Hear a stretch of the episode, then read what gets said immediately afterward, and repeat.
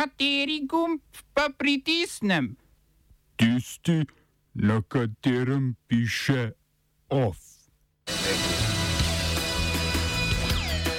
Biden zagovarja umik iz Afganistana, saj naj bi ta dosegel vse cilje. Twitter je več srpskim medijskim hišam dodelil oznako vladnega medija. Ameriške vojaške sile iz Afganistana v DR Kongo. Varuh človekovih pravic Peter Svetina Evropsko komisijo obvestil o noveli zakona o tujcih.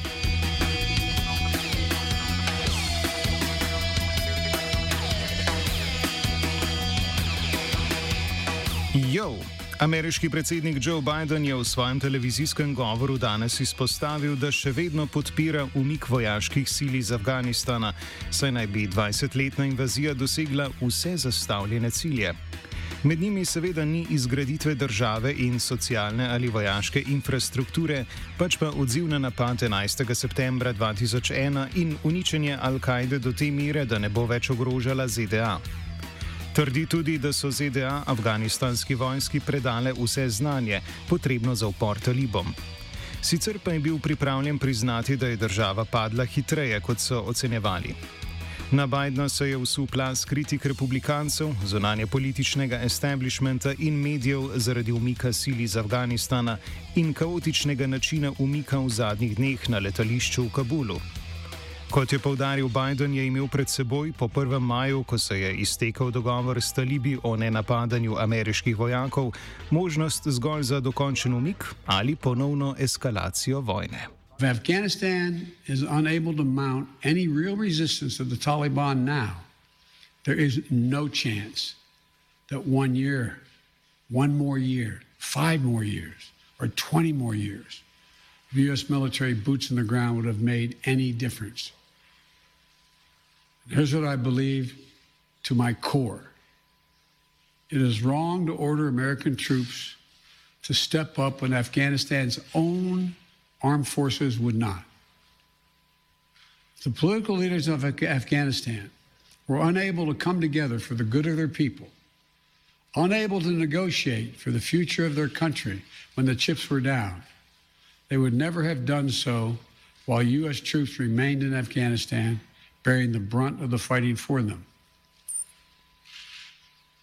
And our true strategic competitors, China and Russia, would love nothing more than the United States to continue to funnel billions of dollars in resources and attention into stabilizing Afghanistan indefinitely. When I hosted President Ghani and Chairman Abdullah at the White House in June, and again when I spoke by phone to Ghani in July, we had very frank conversations. We talked about how Afghanistan should prepare to fight their civil wars after the U.S. military departed, to clean up the corruption in government so the government could function for the Afghan people. We talked extensively about the need for Afghan leaders to unite politically. They fail to do any of that. I also urge them to engage in diplomacy to seek a political settlement with the Taliban. This advice was flatly refused. Mr. Ghani insisted the Afghan forces would fight, but obviously he was wrong. Seveda pa v isti sapi Amerika že daje pogoje za priznanje novega režima. Po izjavi Neda Pricea, govornika zunanjega ministrstva, so pripravljeni priznati legitimnost vlade, če bo ta vključujoča in bo spoštovala tako pravice žensk, kot tudi splošno deklaracijo o človekovih pravicah. Novi parlament bi se moral formirati v Afganistanu in vključevati vse dele prebivalstva, da se lahko začne proces mednarodne oziroma narodne sprave. Talibi sicer trdijo, da so ženske vabljene k sodelovanju v parlamentu, a hkrati je javnost razburilo že več pričevanj o umorih tistih, ki se niso bile pripravljene podrediti njihovim opresivnim religijskim praksam. Prav tako so bila objavljena tudi pričevanja o prisilnih porokah žensk z borci.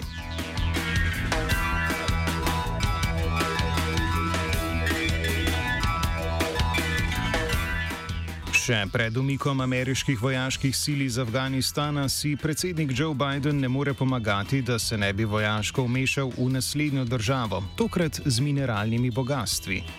Demokratična republika Kongo s predsednikom Felixom Šiškejdijem na čelu je namreč sprejela vojaško intervencijo ameriških sil proti milici Združene demokratske sile, ki naj bi bila podmladek teroristične skupine ISIS. To organizacijo so Združene države prav tako označile za teroristično organizacijo, saj naj bi bila po pričevanjih katoliške cerkve odgovorna za več kot 6000 smrti od leta 2013.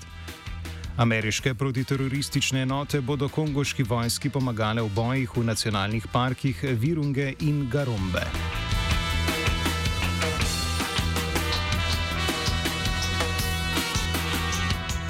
Nova Zelandija, ena izmed najuspešnejših držav pri obvladovanju epidemije novega koronavirusa, je ob potrditvi prvega lokalnega prenosa okužbe po kar šestih mesecih za tri dni popolnoma zaustavila javno življenje v državi.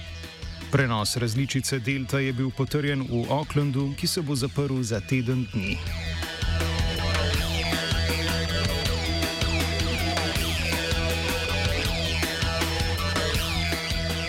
Poljski predsednik Andrzej Duda je uveljavo podpisal zakon, ki omejuje vračilo nepremičnin, nacionaliziranih po drugi svetovni vojni. Izrael meni, da zakon disproporcionalno zadeva jude in ga ostro zavrača, saj je mnenja, da je antisemitičen. A Poljska trdi, da zakon ne zadeva holokausta in judov specifično, pač pa da je večina lastnikov svojo nepremičnino med vojno izgubila, ali je bila ta porušena, ali pa je bila po vojni nacionalizirana. Še več, tista stanovanja, ki so bila nacionalizirana, so bila večinoma v ruševinah in jih je kasneje obnovila komunistična država. Pod dosedanjim zakonom se je trenutne prebivalce lahko izselilo iz novo zgrajenih stavb na zahtevo potomcev nekoga, ki je tam živel pred vojno. Po mnenju mnogih Poljakov gre za plačevanje zločinov nacistične Nemčije, česar pa oni niso dolžni.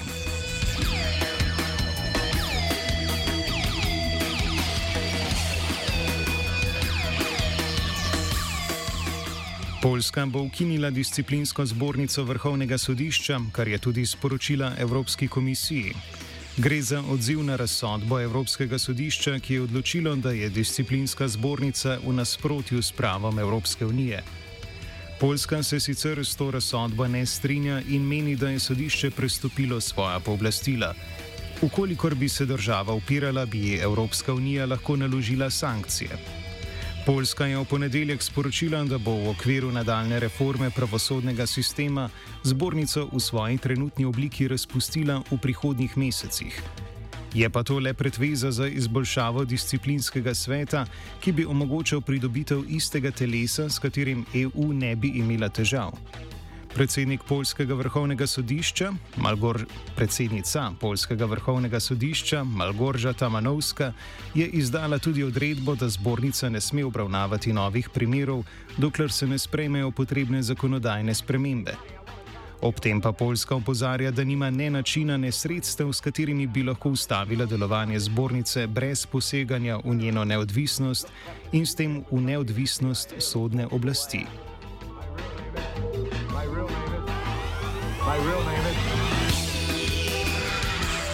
Twitter je označil več profilov srpskih medijskih hiš kot povezanih z vlado. Gre za provladne medije, označeni pa so bili kot državni, saj Twitter meni, da vlada nad njimi vrši nadzor prek denarnih sredstev in političnega pritiska. Gre za tiskane medije Kurir, Srpski telegraf, Informer in Politika ter televizije Happy, Prva TV in B92. Oznaka se pojavi na samem profilu, pa tudi na njihovih objavah in retvitih. Omenjajo državo, s katero je povezan profil, in tudi ali z njimi direktno upravlja vladni uslužbenec ali pa se z vlado samo povezujejo. Čeprav so omenjeni mediji precej očitno podporniki vlade, ni čisto jasno, po katerih kriterijih jih je Twitter označil kot take. Srbija je prva balkanska država, ki jo je doletelo tako vrstno označevanje, sicer uvedeno že avgusta 2020. Države, ki trenutno uživajo pozornost Twitterjeve presoje o neodvisnosti medijev, so med drugimi Kitajska, Francija, Kanada in Združene države Amerike. Oba, če, če bom odgovoril na angliški. Slovenija will try to help. We can Slovenija will and we will do our utmost. To say that the situation is our problem ourselves. and uh, We will Make further steps as soon as the conditions are. bomo vlado Marjana Cererja, Mira, Marjana Cererja Šarca podprli. uh, very, very serious. we know how and we will. Varuh človekovih pravic Peter Svetina je Evropsko komisijo obvestil o slovenski noveli zakona o tujcih. Zakon sprejet konec marca uvaja institut kompleksne krize, kar pomeni, da se lahko s 46 glasovi podpore v parlamentu suspendirajo zakoni o mednarodni zaščiti in omeji nudenje azila. Policisti bi tako lahko zavrgli prošnjo za mednarodno zaščito, razen če ne bi v postopku zaznali možnosti uboja ali mučenja ob vrnitvi v izvorno državo. Hkrati sporni zakon prinaša še druge zaustritve za prebivanje tujcev v Sloveniji.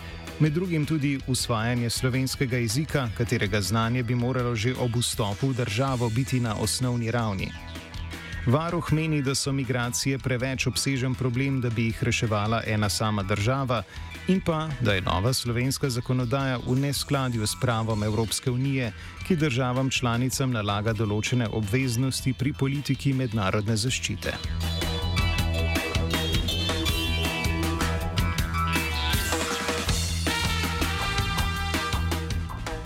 Off je spisala Lucija.